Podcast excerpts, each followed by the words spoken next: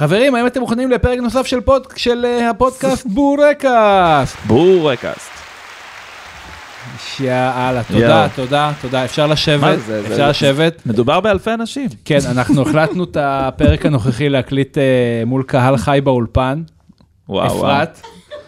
האמת שאנחנו תמיד מקליטים את הפרקים מול קהל חי. שמע, אני אומר לך, רק על הכפתור הזה היה שווה לנו לקנות את הציוד המוגזם הזה. הציוד אבל הזה תראה איך שומעים. מוגזם, ותראה, אנחנו, מה זה סקסי עם האוזניות והמיקרופון, כאילו הרבה יותר מבדרך כלל אפילו. אני מינימום יוסי סייס, מינימום. במינימום, ערב טוב לכם. ממש. אז uh, אנחנו בפרק חדש של בורקאסט, הפרק הראשון שמוקלט עם ציוד ההקלטה החדיש והמדהים, והמדהים והיקר, והיקר. והטוב. וואו. Uh, שרכשנו. Uh, אנחנו כהרגלנו נפתח ב... אתם יודעים מה? לא, אנחנו לא נפתח כהרגלנו בהמלצה על בורקאסט, אנחנו נשמור את זה לאחרי הפתיח. אהלן אהלן, ו-Welcome לבורקאסט, הפודקאסט שלכם על פרסום performance, direct response, וכמובן, בורקאסט. מבית היוצר של אורטל דיגיטל. אחרי שנים בעולמות האלו, צברנו לא מעט ניסיון, והחלטנו שהגיע הזמן להפסיק לחפור רק בבלוג שלנו, ולהקים פודקאסט מקצועי עם כל הדברים שיש לנו לחלוק עם העולם. אנחנו נדבר על כל מה שמעניין בעולמות האלו, והכל בלי להשאיר לכם פירורים על המכנסיים לפני פגישה חשובה. אז אם אתם קולגות, בעלי תפקידים שיש להם אינטראקציה עם חברת פרפורמנס, בעלי עסקים קטנים ובינוניים שבא להם לדעת יותר, וגם לקוחות קיימים שלנו שרוצים להבין מה אנחנו עושים כל היום. כולכם מוזמנים לשמוע אותנו מברברים, וגם לצאת עם כמה תובנות. האזנה נעימה. אנחנו נתחיל בלדבר על מה אנחנו הולכים לדבר היום. ממש. אז אורטל, על מה אנחנו מדברים היום? בגדול אנחנו מדברים על מי יתנהל מול הסוכנות וכמה זה באמת משפיע על ההצלחה. זה נשמע כאילו, רגע, לקחנו סוכנות ממש טובה, הם יודעים מה הם עושים, הם מקצועיים, אבל... שגר ושכח, מה? מה הקשר? מה נוכל הבעיה? לתת אה, לכל אחד מהחברה להתנהל עם זה. אני יכול לתת אפילו- לקוף להתנהל עם זה. נכון, בין המזכירה ועד למנכ"ל.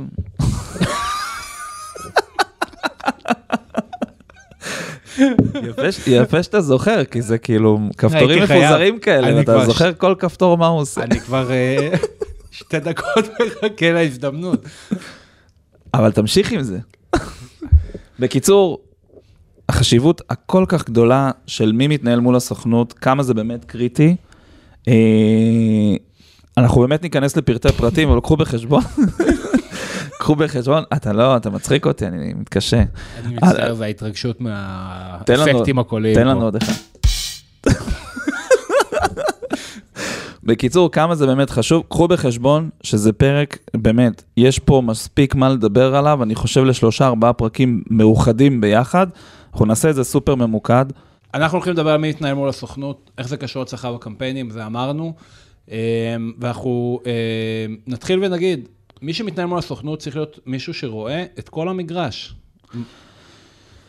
אתה רוצה להרחיב על זה? כן.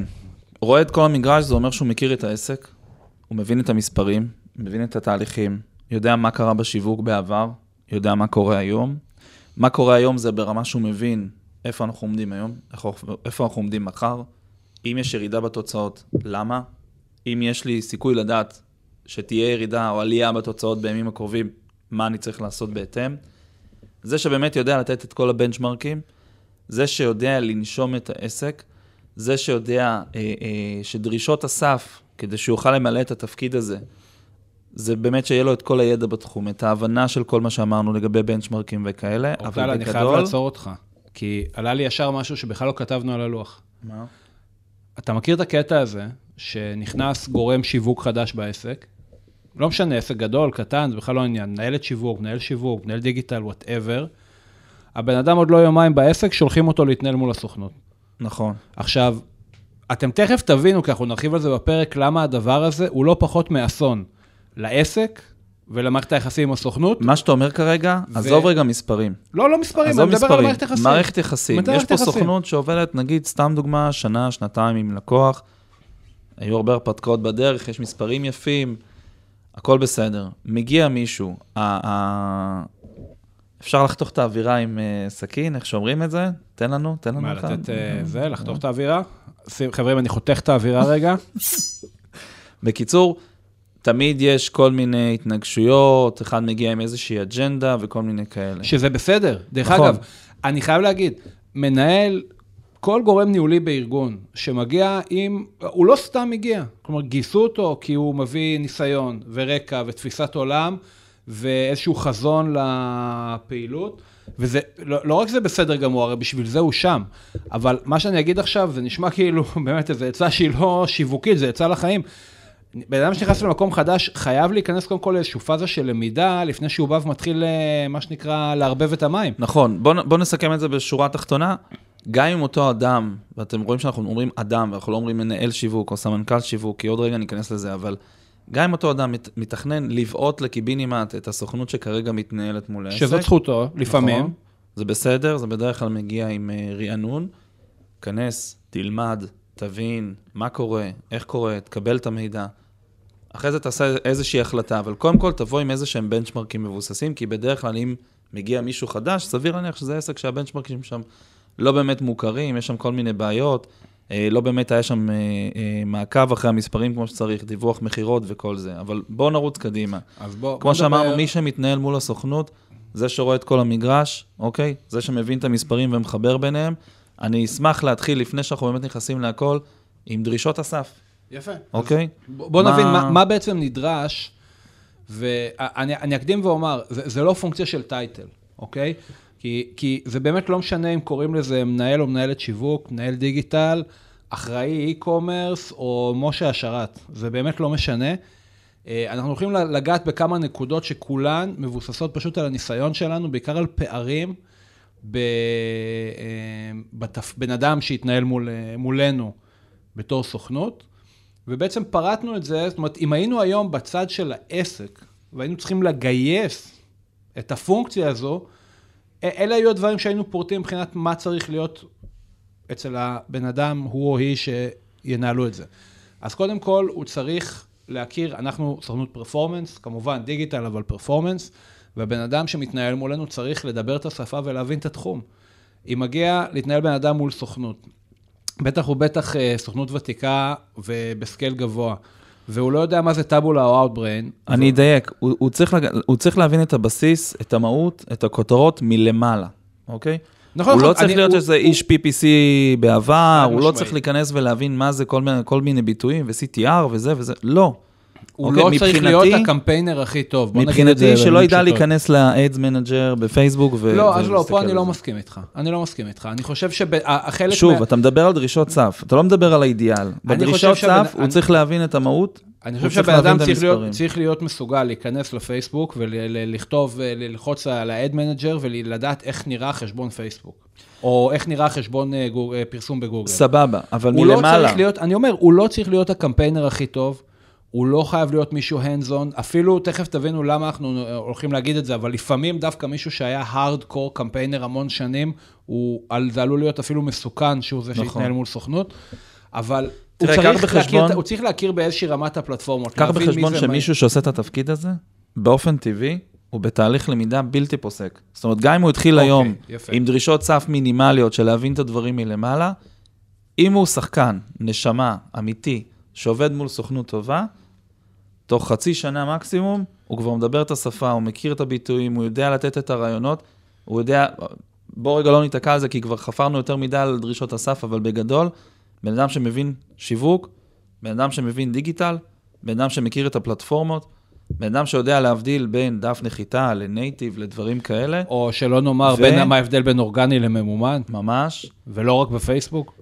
בן אדם שיודע גם להיכנס לתוך איזושהי סיסטמה, זאת אומרת, הסוכנות של- שלחה לך עכשיו אה, אה, גוגל אה, דוקס עם טקסטים לדף נחיתה, אז אל תשלח לנו צילום מסך של, בפלאפון, דרך הוואטסאפ, של איזה קשקוש שעשית עם העט, בוא תכניס את ההערות כמו שצריך על המסמך. תראה, אתה כבר הלכת כאילו הרבה יותר היי לבל. בוא נכון, נגיד שבן אדם ללא זיקה טכנית, יהיה לו קשה להתנהל מול סוכנות דיגיטל. דבר אחרון, זה בן אדם שצריך באמת ל- ל- לראות את התמונה המלאה, אוקיי? הוא צריך לדעת לטייל בין המחלקות השונות בעסק, גם אם זה עסק קטן, גם אם זה עסק גדול, זה לא משנה. הוא בעצם משמש, אתה יודע מה? בוא נגדיר אותו כדבק. הוא הדבק בין הסוכנות לבין העסק, אבל גם בתוך העסק, קודם אמרתי שהוא צריך לדעת לעשות טופס טיולים פנימי נכון, אוקיי? כי אם יש, אם אין לו את היכולת להחליט החלטות, אם אין לו את היכולת לבוא ולבדוק במכירות מה באמת קרה עם הלידים, אם אין לו את היכולת באמת לבוא ולבדוק מבחינת משאבים ו- ועדויות וכל מיני כאלה.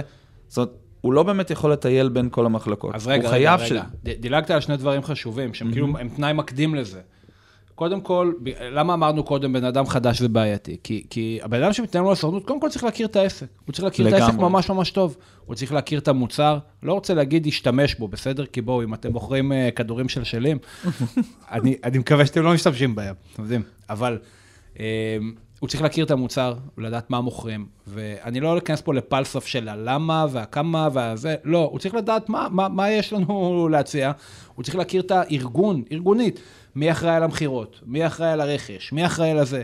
כל האנשים שיש להם ממשקים שנוגעים בשיווק, הוא צריך להכיר אותם, פיזית, הוא צריך לדעת מי הם, ולא צריך לעשות, לעשות את הבירורים, ובאמת זה נשמע כאילו טריוויאלי, אבל היינו בסרטים האלה, וזה נורא.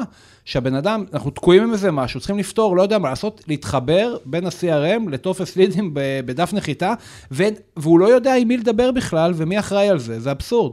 עכשיו, תבינו, הד- הדברים האלה, המטופשים האלה, עכשיו קמפיין יכול להתעכב גם שבועיים, וזה קרה, מקרים אמיתיים, ש- שקמפיין לא עולה לאוויר שבועיים, הכל תקוע, למה? כי מחפשים את, אה, את אה, חיים מהמחשוב, כאילו, זה, זה לא הגיוני. ולמה? כי הבן אדם חדש, או לא לגמרי מאופס ולא מכיר. עכשיו, באותה מידה הוא צריך להכיר את העסק, הוא צריך להכיר את הבנצ'מרקים של העסק. דיברנו על זה הרי בפרקים הקודמים, דיברנו על איך מגדירים תוצאות, נכון? דיברנו על נכון. תיאום ציפיות. אם הבן אדם לא יודע כמה שווה לקוח, מה המודל העסקי, מאיפה מגיעה הרווחיות, יצאנו לא מזמן לדבר עם איזושהי, אה, עם איזשהו לקוח פוטנציאלי, שיש לו כמה מוצרים בכל מיני תחומים, שואלים אותו, אוקיי, אנחנו הרי לא הולכים להתחיל עם אה, לקדם עשרה מוצרים, אז ממה נתחיל? מה הכי רווחי? אה, לא יודע, לא בטוח, אני לא סגור על זה. אוקיי, כמה כאלה אתה מוכר בחודש? לא יודע. אגב, קחו טיפ, לסגור עם לקוח כזה, זה תאונה. זה עניין של זמן עד שהוא יתפוצץ עליכם ויגיד לכם שהפסדתם לו מלא כסף. אם אתם כסוכנות לא יודעים לזהות את זה שהלקוח, מה שנקרא, לא יודע איפה התחת שלו, ולא מדויק עם המספרים, אז איך, איך בכלל הוא ימדוד הצלחה? איך הוא יגיד, אוקיי, יש לנו הצלחה, עשיתי כסף. אין לו מושג, אין לו מושג. עכשיו, עכשיו, אנחנו לא נרחיב על זה פה, הזוי, תחזרו אבל לפרק. רוב השוק כזה. נכון, עכשיו תחזרו, תחזרו, אני לא זוכר, זה היה בפרק 2, אני חושב, דיברנו על, אה, אה, על, או לא, בפרק הקודם, בפרק 3, דיברנו על איך מגדירים תוצאות, אז תחזרו לשם, תקשיבו לזה שם, אנחנו לא נרחיב על זה פה, אבל הבנצ'מרקים הבסיסיים, זאת אומרת, ואדם צריך לענות על השאלה, כמה שווה ליד, כמה צריך לעלות ליד, כמה שווה לקוח, אלה השאלות צריך לדעת לענות עליהן, ועכשיו אני חוזר לנקודה שאורטל אה, נעצר בה קודם, זה הנושא של סמכות קבלת החלטות ואותו טופס טיולים פנימי. כי עם כל החלטה ברמת לאשר מודעה, אה, לאשר תקציב, לאשר הסתה של אה, לפתוח ערוץ חדש בטאבולה, להעלות את הסרטון ביוטיוב, אני לא יודע מה, אם כל דבר הוא צריך ללכת ולחכות, ששני דרג מעליו, שני דרגים מעליו יאשרו לו, הכל משותק, הכל תקוע. בן אדם צריך להיות סוג של אוטונומיה שיודעת לתת, בדיוק. להגיד כן, גם להגיד לא זה בסדר, אבל יש לה את הסמכות לעשות את זה. ואנחנו בשוק ישראלי, הכל פה קורה מאוד מאוד מהר, הקהלים מאוד מאוד מצומצמים. אני רגע מסכם את דרישות הסף.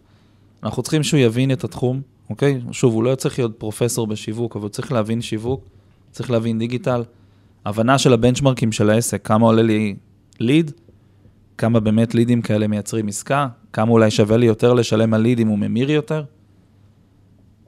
כשאנחנו מדברים על, הקמה, על, על, על הכרה של העסק, אז אנחנו גם מדברים על איזה CRM אנחנו עובדים, למה הוא מתממשק, איפה יש לי את כל המידע, אוקיי? היכרות כמובן טובה עם המוצר והארגון, זאת אומרת שהוא מכיר באמת את הארגון כמו שצריך, מי מניע כל דבר, אה, וכמובן גם עם המוצר, עם היתרונות, חסרונות, וגם כמובן מתחרים. דרך אגב, סליחה, דבר, דבר, משהו כאילו שוב, ו- ודברים שעולים, זה הכל דברים שנתקלנו בהם, אה, היכרות עם הארגון. אם אתה יודע שאתה צריך להגיש עכשיו אה, משהו לאישור המנכ"ל, אוקיי? הסיטואציה הזויה שהייתה לנו לפני שלוש שנים, לא יודע אם אתה זוכר. עסק שבלוגו שלו יש שני צבעים. זה, לא זוכר, זה היה נראה לי כחול ו- ו- ואדום או משהו כזה. לא טוב כחול, תוציא. לא טוב הכחול. מתברר, יאללה, אה, תקשיבו, האפקטים פה זה הרמה הכי גבוהה, זה of the line. אה, מתברר שלמרות שבלוגו וכל השפה הוויזואלית יש את שני הצבעים, המנכ"ל לא אוהב את הכחול. אז המנהל השיווק לא טרח להגיד לנו שלא טוב כחול בעיצוב. אז אנחנו מכינים ליין שלם של דפי נחיתה ועיצובים ובאנרים לפייסבוק ומה שאתם רוצים, הכל בצבעי המותג, ומתחילים לקבל בראש, לא רק שאנחנו מקבלים ריג'קטים, אנחנו מקבלים כעס, אנחנו מקבלים אש. על מה? על משהו מטופש שמנהל השיווק לא העביר לנו.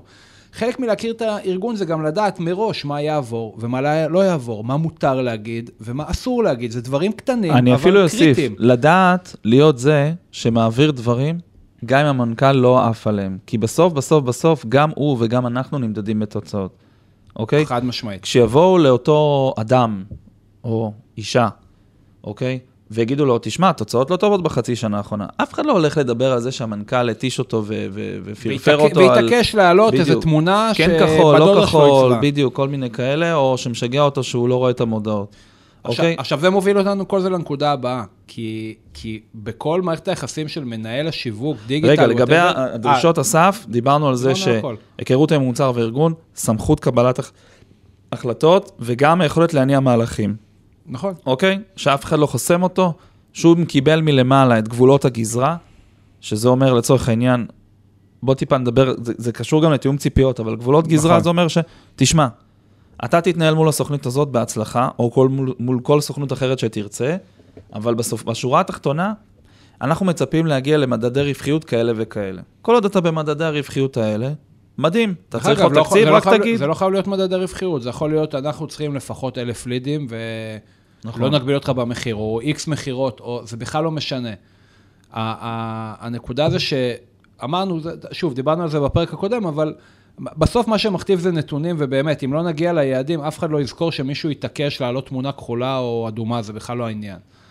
עכשיו, לאן... זה לא רק זה, זה גם בגדול ההתעסקות בז- בזוטות במקום בדברים החשובים באמת. תראה, אני, אני, אני בכל זאת טיפה אסתייג, כי אני אגיד, יש מקום להעדפה אישית, ויש מקום לסטנדרטים של מותג, וככל שאתה עובד, דרך אגב, עם עסקים יותר גדולים, יש התוויות מאוד מאוד קשיחות, לא רוצה להגיד קשוחות, אלא קשיחות, שבאות מברנדבוק או ממקורות אחרים לגבי איך מציגים ובאיזה פונט משתמשים. נכון, אבל זה צריך להיות שם באוויר ולא להיות העיקר. זה צריך להיות גמיש, הפואנטה, זה צריך להיות נכון. גמיש, זה לא יכול להיות משהו הרמטי, סגור, כאילו שחור ולבן שאי אפשר לזוז ממנו טיפה. בכל אופן, אה, אל- אלה בעצם דרישות הסף. עכשיו, כאילו דיברנו על זה איזה עשר דקות, אבל באמת, זה בסוף מתנקז לאיזושהי רשימה של חמישה-שישה בולטים קצרים, פשוט טיפה הרחבנו, זה באמת לא ממש. כזה מסובך.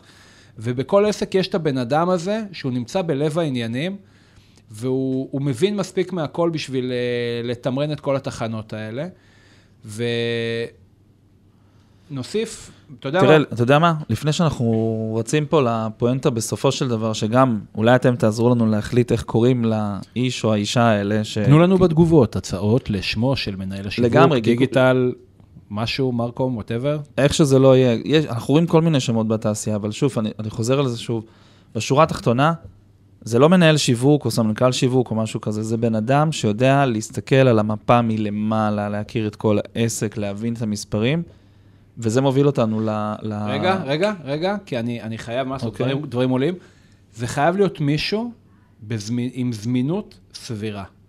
ולכן, זה לא יכול להיות מישהו בכיר מדי, או עמוס מדי, עסוק מדי. הדבר וואו, שהכי מטריף מטורפת. אותנו, זה שבאים אלינו, עכשיו, נכנס איזשהו תיק, איזושהי פעילות, רוצים נורא לעלות מהר לאוויר, אבל הבן אדם שמופקד על להתנהל מולנו לא זמין. הוא בפגישות, הוא בישיבות, יש לו דברים יותר חשובים כאילו מאיתנו מהקמפיין הזה, ובסוף הכל תקוע. למה? כי הבן אדם אשכרה לא פנוי לעבור על מייל, או לאשר מודעה, או, או לאשר תקציב. זה, ו- וזה בן. אדם שאמר לנו, אני רוצה לעלות לאוויר אתמול. וזה בן אדם ש... בדיוק, הדדליין הוא אתמול, אבל הזמינות היא, דבר איתי בעוד שבוע. נכון. עכשיו תראו, תשמע, העלית פה נקודה שהיא היא קריטית, אני מתפלא על עצמנו שלא רשמנו אותה פה על הלוח. אך, על הלוח, אבל uh, הזמינות הזאת היא קריטית. זאת אומרת, יכול להיות גם uh, אותו אדם עם אקסטרה זמינות, שבא ויוזם ובודק ורוצה לראות איך לשפר ואיך לשדרג. Uh, זה סופר קריטי, וכמובן שהקיצון השני זה מצב שהוא פשוט לא זמין לנו. עכשיו, בשורה התחתונה, אה, אחת הנקודות הכי חשובות שאני חושב שרשמנו פה, זה, טוב, בוא נקרא לו מנהל שיווק. קשה לי עם האדם או בוא, אישה. בוא נקרא לו מנהלת שיווק, מנהלת שיווק. כי אנחנו מאמינים בהזדמנות שווה. אז הנקודה הסופר קריטית היא מנהלת שיווק כבשת לחץ, אוקיי? זאת אומרת, ה- ה- אני אסביר. אם אותה מנהלת שיווק יושבת בתוך ה-call center, אוקיי? מי שיודע, מי שמספק לידים ל-call center יודע איך זה. פתאום יש איזושהי שעה יפה, או פתאום הגיעו איזה חמישה לידים אחד אחרי השני שהם באיכות קצת פחות אה, איכות, אה, טובה, בלה בלה בלה בלה בלה. מיד יש פה איזשהו חיבור רגשי נוראי, ואותה מנהלת שיווק אמורה לעשות, הדרך הנכונה לנהוג כאן, היא, היא, היא חד משמעית לא לרוץ לסוכנות עכשיו ולייצר פה רעידת אדמה, אוקיי? כן צריכה להידלק, להידלק לנורה, כן היא צריכה לעקוב אחרי המספרים, כן היא צריכה לוודא שזה לא איזושהי מגמה, אוקיי? או, או. צריכה לוודא. שזה המילה, המילה פיק מגמה, ולא מגמה, המילה אוקיי? מגמה, צריך לזכור אותה, כי אני חושב שהיא היא, היא קריטית. דיברנו קודם, ממש רגע, בהתחלה. דבר, דבר אחרון לגבי זה, לפני שרצים לסוכנות, יש הרבה מאוד ניתוחים פנימיים שאפשר לעשות. יכול להיות שלפני שאותה מנהלת. שיווק תבוא ויגיד, כל הלידים לא בסדר, כל הלידים אה, מכחישים פנייה או לא יודע מה, אוקיי? בואו רגע נבדוק, אולי יש איזשהו מכנה משותף בין הלידים האלה. זה יכול להיות שמישהו ספציפי שטיפל בלידים האלה הוא חדש או לא מנוסה או עייף או לא יודע מה. זה יכול להיות שמצב שמפלטפורמה אחת ספציפית, מדף נחיתה סלש מאמר אחד ספציפי, הגיעו הלידים האלה, בואו נבדוק למה זה קרה דווקא שם, אוקיי? זאת אומרת, ברגע שאתם באים כמנהלת שיווק חכמה, יודעת, שמכירה את המגרש ויודעת לעשות את הבדיקה של הבנצ'מרקים ושל המספרים מסביב לפני שהיא מגלגלת את האחריות לסוכנות ובאה בהיסטריה, אז בדיוק זה הסעיף, הווסת לחץ הזה. גם יכול להיות שבפנים, סורי שאני חופר רגע, אני לא, רואה שאתה תחפור, מת תחפור, זה. תחפור, אני חם. זה, קריט, זה, זה, זה קריטי, גם אני חם. זה קריטי כי זה, זה מה שאנחנו תמיד מחפשים כאבים של לקוחות, אז זה הכאב שלנו. כי אם אותו אדם ש, שמתנהל מולנו, מעיף אלינו כל לחץ קטן שמתעורר בפנים בארגון, אתה יודע מה זה בסוף מייצר? זה הביטוי הפנימי אצלנו, ההיפר-אופטימיזציה הזאת. נכון. זאת אומרת, בוא ניתן, אני רוצה רגע לתת רגע, דוגמה. כוכבית, אלה עכשיו 60 שניות על היפר-אופטימיזציה.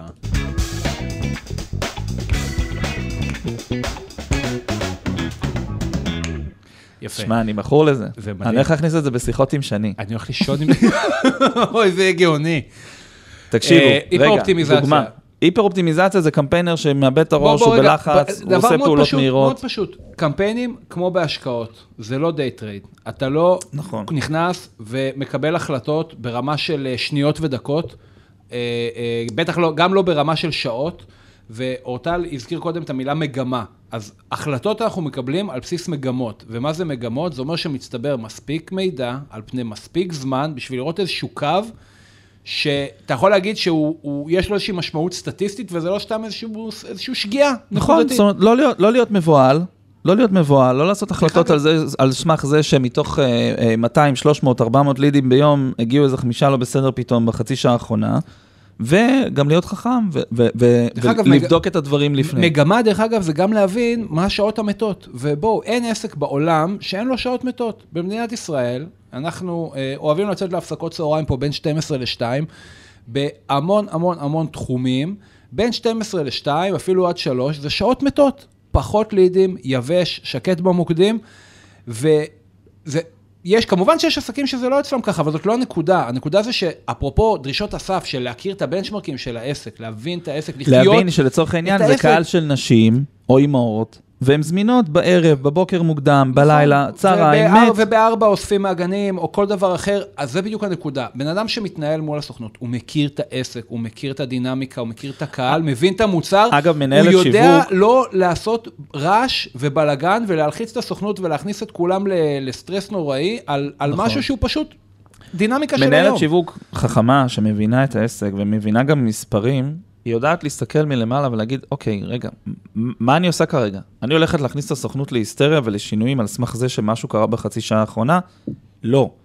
גם, גם לא על סמך יום אחד. זאת אומרת, גם אם היה יום יחסית חלש, זה אמור להיכנס לאיזושהי סטטיסטיקה. אנחנו מסתכלים על זה שבועי. דרך לא אגב, מסתכלים אה, עכשיו חצי שנה, שנה או רבעון. דרך אגב, אם ברמת אתם... השבוע, אם אם, אתם- יש איזושהי מגמת ירידה, כמובן שצריכים לעבוד על זה. עוד דבר קטן, אותה מנהלת שיווק חכמה, אם היא מחוברת לתהליך באמת, והיא עובדת עם סוכנות טובה, שמדווחת לה כל הזמן, והיא היא, היא, היא חיה את זה, אוקיי? אז אם היא יודעת שאתמול, אם היא יודעת שאתמול הרמנו איזושהי פריסה חדשה, קמפיינים חדשים, מודעות חדשות, סביר להניח שהיום או מחר יהיה יחסית חלש עד שהדברים יתחילו להתרומם ולתפוס. ואין לאף קמפיינר משהו לעשות עכשיו במיידי, SOS, מהיום, מעכשיו לעכשיו ברמת השעה, כדי לספק יותר לידים, אוקיי? והיא תעשה פעולות פנימיות. שלא לדבר שאותו מנהל או מנהלת שיווק ילכו ויבדקו כשלים פנימיים, תקלה באינטגרציה, נכון. תקלה ב-CRM, תקלה בדשבורד, תקלה במערכת מדידת שיחות, זה לא משנה.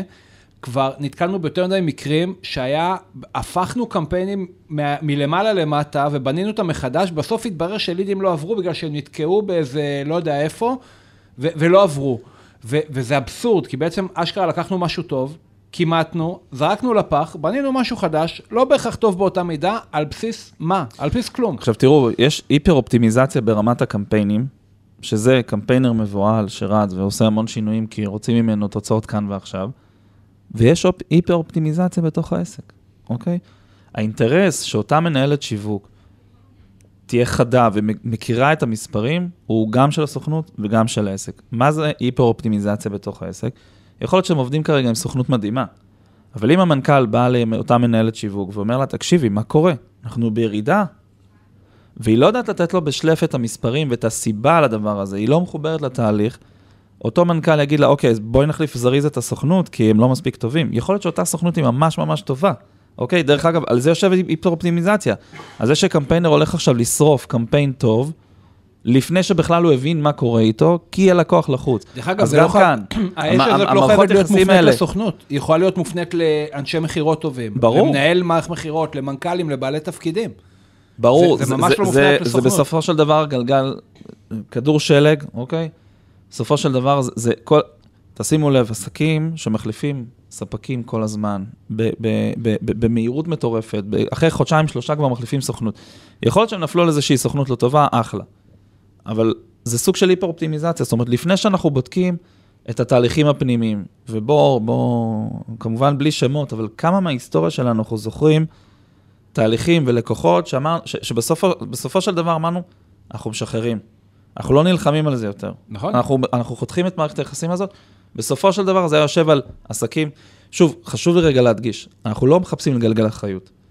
אבל יש פה מערכת יחסים שכל כל אחד מהצדדים אמור כל הזמן לחפש את האחריות, אוקיי? חד משמעית. זה, זה, זה אחד, הת... אנחנו נתקעים על זה המון, אה, אה, סביב העניין הזה שמנהלת השיווק כבשת לחץ בסופו של דבר, כי זה, בסופו של דבר הכל מתחיל ונגמר אה, בזה. זה- כאילו להגיד, כ- כמה זה כאילו פעמים- להגיד, מה, כולם משוגעים? נכון. כולם משוגעים, אני השפוי היחידי, כמה כי אם פעמים- אני מחליף את כל האנשים סביבי כל הזמן, את הסוכנות, את המנהל שיווק, את האנשי מכירות, כל הזמן, כולם מסתובבים, רק אני הקבוע היחידי, אולי אולי אני בוא עושה משהו ננסה לחשוב על אחרת. איזושהי דוגמה מוחשית, כי אנחנו מדברים פה קצת יותר מדי באוויר, ואני חושב שלא יבינו אותנו עד הסוף. דוגמה לעסק שעבד איתנו, כמובן בלי שמות, תן לי דוגמה מהותית. אה, אה, דוגמה לעסק ש- שכל מערכת היחסים שם בסופו של דבר התחרבנה, כי העסק או מי שמתנהל מולנו פשוט סרב להבין משהו. סרב להבין, אני יכול לתת את הדוגמה, אני אתן דוגמה, היה לנו לקוח בתחום האי-קומרס, לקוח שעבד איתנו די הרבה זמן, ואני לא מתבייש להגיד, זה העסק שהבאנו לו הצלחה לא מבוטלת, התחיל איתנו כשהיה ממש ממש קטן, סיים לעבוד איתנו כשהיה ממש ממש גדול, אבל לא משנה כמה פעמים ההחלטות שקיבלנו ברמת הקמפיינים, בין אם זה הקצאות תקציב, המלצות תקציב, קריאייטיב, תזמון של דברים, הוכיחו את עצמם פעם אחר פעם. אה, פשוט המשכנו לקבל תלונות על כל מיני ניואנסים במודעות, או תזמון, או פעם אחת לא ענינו בזמן, שלחו לנו איזה מייל או איזה וואטסאפ, ולא ענינו בזמן, בתוך איזה, לא זוכר מה, שעה, שעתיים. כאילו, לא משנה כמה שהפעילות הלכה ו- וצמחה, ה... כאילו, כאילו לא, היו, לא היו מרוצים פשוט. הנקודה היא כזו, אה, כאילו, למרות שהדברים עבדו טוב, ניסו לדחוף אותנו לעשות כל מיני פעולות. אני אדייק אותך.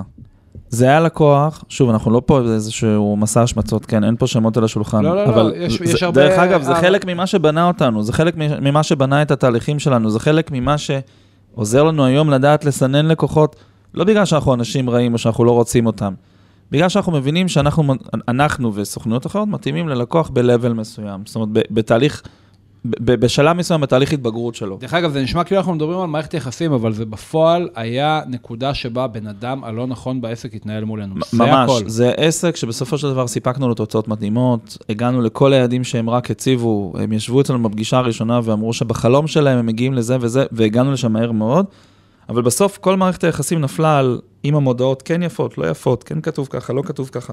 או כן, כן ענינו למייל בשש בערב, לא ענינו למייל בשש בערב, זה כל מיני התעסקות בזוטות במקום ב- ב- באשכרה הצלחה עסקית משוגעת שמונחת על השולחן. זה מרגיש לי מגוחך שאנחנו מדברים קטנוני, על זה. נכון? אתה מרגיש ממש. כאילו הכי קטנוני שיש, אבל, אבל זה אבסורד. מערכת יחסים של כמעט שלוש שנים, על מה נפלה? על איזה מודעה שהעיצוב פחות מצא חן בעיני מישהו שהתנהל מולנו, וזה שלקח לנו יותר מחצי שנייה לעלות על? מייל, זה כאילו היה אם, אם נסכם אבסורד. את זה, אתה יודע על מה זה נפל? על זה שמי, אותה מנהלת שיווק לא הבינה שיש פה מערכת יחסים אמיתית של הדדיות. זאת אומרת, בוא נדבר על זה רגע, זאת אומרת, עסקים צריכים להבין... דיברנו על זה בפרק הקודם, נכון, שזה לא משיכת חבל. דיברנו על זה, זה לא, משיכת אבל, חבל. אבל זה טוב לחזור על זה, כי זה כאילו זה משהו שעדיין לפעמים מתפספס. שימו לב עוד משהו לגבי דרישות הסף. באותה מידה, ש... פרטנו כל מיני דברים. אחת הבעיות זה שאם מתנהל מולנו מישהו שלא מבין את התחום, לא פרסום ולא שיווק ולא דיגיטל, ואז הוא מתחיל לתת לך ריג'קטים על, על דברים מנותקים לחלוטין. והבן אדם הזה, אה, לא כותבים פוסטים ארוכים, לא כותבים פוסטים הזה? קצרים, לא שמים פוסטים צהובים, אני לא יודע, כל מיני... והבן אדם הזה, הוא הכל. והוא והוא הכל. הוא הכל. אם יושב הבן אדם הלא נכון, או, או, או, אני- או אני- האישה הלא אני- נכונה, אני אגיד את זה מאוד מאוד הזה- פשוט, אל תיתנו למזכירה של החברה להתנהל מול סוכנות הדיגיטל שלכם. לא אם אתם רוצים אשכרה להגיע לתוצאות, וסליחה, יכול להיות גם, אה, אה, זה לא חייב להיות אני המזכירה. הולך, אני הולך לחלוק עליך עכשיו, תקשיב, אם אותה מזכירה יושבת שם הרבה שנים, מכירה את העסק על בוריו, מכירה את כל האנשים, את כל המחלקות, חי אותו, וכל מה שצריך לסגור איתה זה איזשהו, אה, אה, אה, אני, אני לא אגיד קורס בסיסי, אבל איזשהו ליווי אני לא- צמוד, אני לא כדי לסגור. לה את העניין של הדיגיטל, אני לא מסכים איתך על זה. יש מצב שהיא תעשה עבודה הרבה יותר טובה מרוב, מ- מ- מרוב האנשים מ- ש... מאוד תלוי בעסק, אבל אורטל, אם לבן אדם שמתנהל מול הסוכנות, אין, אה, אה, הוא לא באוריינטציה ניהולית, אלא טכנ... הוא, הוא סוג של טכנאי בתוך העסק, וזה לא משנה אם זה מזכירה, או מתאם שיווק, או, או מנהל פרויקטים זוטר, אם בן אדם אין לו סמכות קבלת החלטות, תשים לב, הגדרנו דרישות סף. אתה חייב לענות פה על סמכות קבלת החלטות, על יכולת של להניע מהלכים, מצטער, אבל לרוב מזכירות וכל מיני מטעמים. לא, לא, לא, אני מדבר על להם- מישהי שיושבת שם שנים, אז אני אומר לך שהיה לי לקוח. שרציתי לתת קודם כדוגמה. אפרופו דיברנו על אה, אה, וסת לחץ ולמנוע היפר אופטימיזציה. לקוח שעבדנו איתו, עב- עבדתי איתו מספר שנים. אה, כמובן שלא נזכיר שמות, רק נגיד אה, מוסד לימודי כזה או אחר שישב בנקודה טיפה מרוחקת בצפון הארץ. ולכן נדרשנו אה, אה, מלכתחילה להביא לקוחות ב, ב, ב, שיודעים שהמקום רחוק ויודעים שקשה להגיע אליו וגם גרים באזורים מסוימים והכל והכל. אבל כולנו יודעים שבדיגיטל כמו בדיגיטל, לפעמים אה, תרגות הוא לא הרמטי, ולפעמים מתפלק לך אה, אה, ליד מאילת גם כשאתה מנסה לטרגט את תל אביב, אין מה לעשות. העניין הוא שאותה מזכירה, והיא הייתה מזכירה, אוקיי? ותיקה מאוד, מחוברת, מקושרת, זה היה בסך הכל ארגון לא גדול, אוקיי? אבל אה, בסופו של דבר, היא הייתה עובדת יחסית זוטרה, מזכירה סלש יועצת אה, לימודים, וכל פעם שהיה מגיע ליד, אחד ל-30, אחד ל-40, שהיה מגיע לא מהאזור הגיאוגרפי, או שאמר, אה, לא ידעתי שאתם כאלה רחוקים, הייתה דרמה, שיחות, זה בדיוק ישיבות, הבעיה שדיברנו עליה אלוהים עם ישמור, החיבור הרגשי. הקמפיין לא טוב, ת, ת, ת, ת, תזרקו הכל, תתחילו מחדש. עכשיו, לדבר הזה, דרך אגב, יש שם. אני פותח רגע כוכבית, לדבר הזה קוראים אפקט האחרונות. הוא מאוד מאוד נפוץ בטיפול בלידים, שליד אחד או שניים עם איזושהי חריגה מה שרצוי, זהו, זה חזות הכל, ועכשיו מש... אה, אה, נכנסים לאיזה היסטריה וישיבות דיברנו חירום. מקודם על החיבור הרגשי? לא אני חושב שדיברנו על לא החיבור דיברנו, בוא הרגשי. נ- בוא רגע ניגע בזה, כי זה בדיוק זה. אז חברים, אנחנו החיבור מתנצלים. הפרק הולך טיפה להתארך, אבל וואלה, זה דברים סופר חשובים. זה פרק לא- שדחפנו שניים, שלושה פרקים לתוך אחד, אבל עוד, זה לא נושא אחד. גם עוד לא נתנו המלצה על בורקס חכה בסוף. בסוף. אני עוד מנסה להיזכר על מי אני נותן לא, המלצה. אני יודע, יש לי הפעם. לא באתי מוכן. אני באתי מוכן. בקיצור, החיבור הרגשי זה אומר שאותו אדם, אותה מנהלת שיווק שמתנהלת מולנו, לא יכולה להיות אותו, אותו בן אדם שיושב ומנהל לצורך העניין את מוקד המכירות, את הטלפונים. כי בשורה התחתונה, כמו שאמרנו, יש שעות מתות, ויש פה ושם איזה ליד מעפן, ומכירות זה מקום עם הרבה לחץ הוא לא ועצבים יכול, ו- הוא לא יכול והיסטריה. את הלחץ כי הוא הלחץ. נכון, הוא הלחץ. אז, אוקיי, מי שיושב בתוך מע- מע- מע- מעגל המכירות נקרא לזה, לא יכול להתנהל מול הסוכנות, כי כל רגע הוא ינסה לגלגל חזרה לסוכנות את ההיסטריה הזאת, ואני יכול להבין אותו, אבל זו לא פעולה נכונה. למעשה, החיבור הרגשי הזה גם יכול לבוא, דרך אגב, גם בעסקים גדולים מאוד, אוקיי? גם קטנים מאוד. זה לא משנה, לצורך העניין פגשנו לקוח, כמו שאני הולך לספר כרגע, לקוח שיושב בבית ומנהל לבד תקציב של משהו כמו, כמה זה היה? מיליון? מיליון שקל, שקל בחודש. יותר אפילו. קמפיינים לחו"ל, אפליקציה, יושב לבד ועושה את זה. פתאום נכנסת איזושהי סוכנות. אז החיבור הרגשי הזה, זה שבן אדם, בשנה, שנתיים האחרונות, יושב בבית ומנהל קמפיינים ומרפרש את זה, ובוא, אני, אני ואתה יודעים טוב מאוד מה זה להיות המכור הזה למספרים, אוקיי? ופתאום נכנסת סוכנות. הבעיה פה. בכלל היא ברמת מערכת היחסים. זאת אומרת, לא, בוא תשחרר אותו עכשיו מה, מההתמכרות הזאת. יש פה שני דברים. קודם כל, הוא, הוא כל כך מחובר לזה רגשית, שיש לו הרגלים. יש לו הרגלים, דרך מאוד מסוימת לעשות דברים, שגם הובילה אותו להצלחה מסוימת, וצריך לתת לאנשים, דרך אגב, כל לקוח שהיה אצלנו, והוא בן אדם שניהל את הדברים בעצמו, מה שנקרא, קרדיט, כשמגיע, מגיע. מדובר על אנשים שעשו לא נכון. מעט דברים מדהימים נכון. בכוחות עצמם, למדו דברים שהם לא היו בתוך, ה... בשוטף שלהם והצליחו. אבל הם מגיעים קורה... למצב שהם קמפיינרים יותר טובים מרוב הקמפיינרים בשוק. נכון, וזה okay. אוקיי. מדהים. אממה, מגיעים בסוף לסוכנות, נגיד כמונו, ובאמת, אנחנו, יש דברים שאנחנו נדע לעשות יותר טוב מהם, כי אנחנו בכל זאת חיים הרבה תחומים והרבה שנים. ועוסקים רק בזה. רגע, אני רוצה רק להגדיר, אותו לקוח בדרך כלל יגיע לסוכנות, כמונו אחרות, לטובת שני דברים. אחד, הוא רוצה לפנות את הזמן, העסק צמח בזכות העבודה הטובה שלו והוא לא יכול להמשיך לנהל את זה. שתיים, הוא כנראה נתקל באיזושהי תקרת זכוכית, הוא רוצה לעשות scale והוא לא מצליח. אוקיי, הוא רק לעשות סדר. עכשיו, מה קורה? לאותו בן אדם קורים שני דברים. אחד, יש לו פשוט הרגלים. הוא רגיל שהמודעות נכתבות בצורה מסוימת. הוא רגיל שלקמפיינים קוראים בשמות מסוימים. ושמטרגטים ככה ולא ככה, ואלף ואחת דברים, ופתאום נכנס מישהו ועושה את זה שונה ממנו, ומבחינתו זה, זה שבר. נכנסת לשמות, לשמות של קמפיינים. בוא תשכנע אותו קודם כל, לפני הכל, להפסיק להיכנס למערכות. זה, להפסיק זה לא- להיכנס לא... למערכות ולרפרש. עכשיו, זה לא יקרה, זה לא יקרה, וזה אה, הדבר הראשון. הדבר השני זה שאותו בן אדם, הוא מדבר איתך בהתחלה, שהוא אומר, אני רוצה לעשות, ואני אסע לפה, ואני אדבר עם ההוא, ושת"פים, ופיתוח עסקי. ואז קיבלת את ההגה, אתה הסוכנות, קיבלת את ההגה, ואותו בן אדם קם בבוקר, והוא כאילו... והוא לא יוצא מהאוטו ללכת הוא, להביא הוא, לך שת"פים, הוא יושב לידך כמו מורה נהיגה. הוא יושב ומרפרש את manager, נכון. הוא לא יודע מה לעשות, כי אין לו, הוא, הוא נוצר ואקום בחיים שלו. אני לא יודע אם אתה זוכר, היה לנו לקוח מאוד חביב, שאנחנו מאוד אוהבים אותו עד היום, אני לא אציין את שמו, אבל אני מאמין שהוא יזהה את עצמו בסיפור ויכתוב לי על זה בנפרד. שכל פעם שהוא היה נוסע לאיזושהי פגישת עסקים, אז היה לו כאילו פתאום זמן שהוא כזה בטיסות או בנסיעות והוא לא יכול לגעת בקמפיינים, וכל פעם היינו צוחקים, הנה, עכשיו יש לך איזה יומיים שאני לא זמין ולא נוגע, בטח התוצאות השתפרו, כל פעם היינו צוחקים על זה.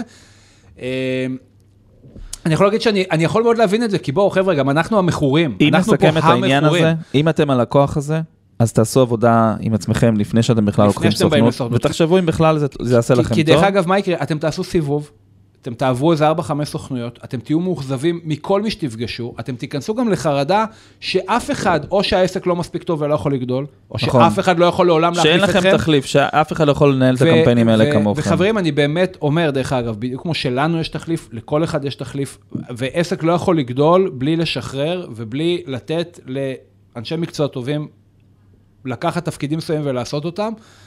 וחברים, אנחנו נכנסים פה בעצם לשורה התחתונה, דיברנו על מי מתנהל מול הסוכנות ואיך זה קשור להצלחה בקמפיינים, גלשנו קצת לאיך זה קשור להצלחה בעסקים ואיך זה משפיע על מערכות יחסים, ובין לבין אני חושב שכל מי ששומע את זה אה, בצד לקוח, אני חושב שאם אתם כרגע מגייסים או מכשירים מישהו לתפקיד של להתנהל מול הסוכנות, ושוב אמרנו, הטייטל ממש לא מעניין, מה שמעניין זה אה, האם הוא עומד בקריטריונים מסוימים, האם הוא ידע לעשות את התפקיד הזה.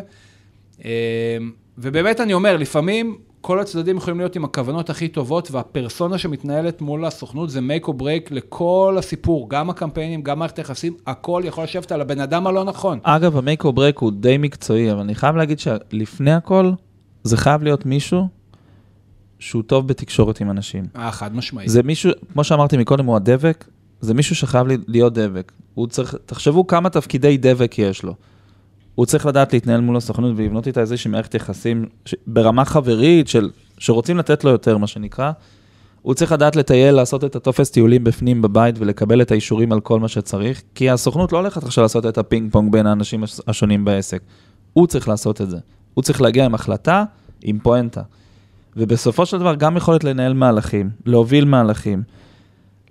כמו שאמרנו, לווסת את הלחץ, ובעניין הזה אני רוצה לתת איזושהי דוגמה. יש לנו איזשהו לקוח גדול, תקציבים באמת באמת גדולים. מי שמתנהל מולנו מתחילת התהליך זה אה, סמנכ"ל שיווק, אוקיי? באיזשהו שלב אה, אה, המנכ"ל נכנס לתמונה. עכשיו, אותו מנכ"ל באמת מחובר למערכות השונות, מחובר לדברים, יושב ומרפש, וגם יושב פיזית בין ה-call center ל- ל- לשיווק. מה שקרה זה שאנחנו הגענו למצב שמערכת היחסים עם אותו מנכ"ל לא טובה, מהסיבה הפשוטה שהוא לא יודע לווסת את הלחץ. הוא מיד משגר את זה אלינו. ומסיבות מובנות, יש נכון. לציין, הוא יושב נכון. על המקום הכי לחוץ, שלו. וכל פער, עכשיו שעה מתה בלידים, הוא מרגיש את האש בוערת מתחת לרגליים, אני לא יכול לא להבין את זה, אני חייב להבין את זה, זה בסדר. נכון. כל העניין שלו זה לא להעביר את זה אלינו, ודרך אגב, הוא לא מסוגל. רגע, אבל אני רוצה רגע להגיע לפואנטה, שאותה מנהלת שיווק, מעבר להיותה אה, אה, מומחית ב- ב- בחיבור עם אנשים, בלהיות הדבק הזה, בלדעת לחבר, הרי בסופו של דבר היא, היא סוג של, של, ממש, של אינטגרציה בין המערכות השונות.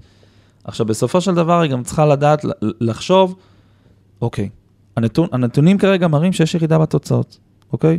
אופציה ראשונה, לבוא לסוכנות ולעשות "אה, בלאגן וזה, ולחצה וזה. דרך אגב, כשזה קורה, אז כולם נכנסים לסטרס, כולם נכנסים ל- ל- ל- לבלאגן, וכולם מנסים להציל את המצב. בסוף, הניסיון שלנו מוכיח שתוצאות טובות לא יהיו פה. אופציה שנייה, זו שאותה מנהלת שיווק תבוא ותגיד, חברים, אני רואה שיש ירידה, בואו תגידו מה אתם צריכים ממני. אני רואה שיש שחיקה, אתם משתמשים באותן עדויות כבר הרבה זמן. חסר לכם ככה, חסר לכם ככה, בואו נתאם איזשהו סיור מוחות י- ונחשוב י- ביחד. יכול להיות שאותה, מה חסר? יכול להיות שאותה מנהלת שיווק גם עברה על ה-CRM, עברה קצת על סטטיסטיקה, אמרה, חבר'ה, תראו, אני רואה שיש ירידה, אני רואה שהלידים אה, מ-GDN, הם, אה, יש שם הרבה פחות סגירות, או נכון. לידים מטאבולה, וואו, הלידים מטאבולה בזמן האחרון ממש איכותיים, אולי נעביר לשם תקציב. זה, זה יכול להיות כל מיני תשובות, אבל דרך אגב, כאילו, זה כבר, שוב, זה מה שנקרא טיפ של אלופים. זה מתחבר, אתם, אתם באים לסוכנות, תעשו שיעורי בית, כן? בדיוק. תעשו שיעורי בית. עכשיו, בדיוק, זה עכשיו, למה זה למה שאמרתי מתחבר? מקודם, זאת אומרת? תבוא כי- עם נתונים קודם. אבל זה בדיוק העניין, הבן אדם שמתנהל מול הסוכנות צריך להיות הבן אדם שיודע לעשות את השיעורי בית, יודע איפה לבדוק, תראה מה זה לבדוק. כדור שלג של חוסר ניסיון. מנהלת שיווק חסרת ניסיון, ותבוא ותגיד לך, שומע, הלידים לא טובים. הלידים לא טובים. יש לי מלא מכחישי פנייה. אתה תגיד לה בתור סוכנות לא מנוסה לצורך העניין, מה? אז זה לידים שהגיעו מטאבולה ואוטברן, וכולם יודעים שנייטיב זה זה איכות גבוהה יותר. אנשים שקראו כתבה. משהו פה לא מסתדר לי, אוקיי? אז אתה כסוכנות לא, לא מנוסה, תבוא ותלך ותשנה, ת- תהפוך את כל הקמפיינים מקצה לקצה, כי תגיד, טוב, משהו פה לא נכון. בלי, מבלי בכלל לנתח ולהבין מה אתה אמור לשנות. אוקיי, הבנתם את, את הפואנטה, את מה שנוצר פה. עכשיו, אם שני הצדדים מנוסים, קודם כל, בבית, מנהלת השיווק, תבוא ותגיד לחבר'ה מהקול סנדר, מה זאת אומרת לידים מכחישי פנייה ולא איכותיים? בואו תנו לי את כל השמות.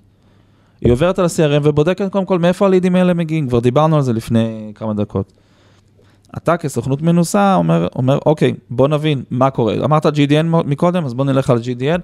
בוא נגיד שכל הלידים הפחות איכותיים האלה מגיעים ל-GDN. אתה כסוכנות מסביר, אוקיי, הלידים ב-GDN פחות איכותיים, אבל תבינו את הערך המוסף, המיתוגי, של העוצמה שזה מייצר, שהבאנרים שלכם בכל מקום, אחרי שנכנסנו לדף נחיתה או מאמר.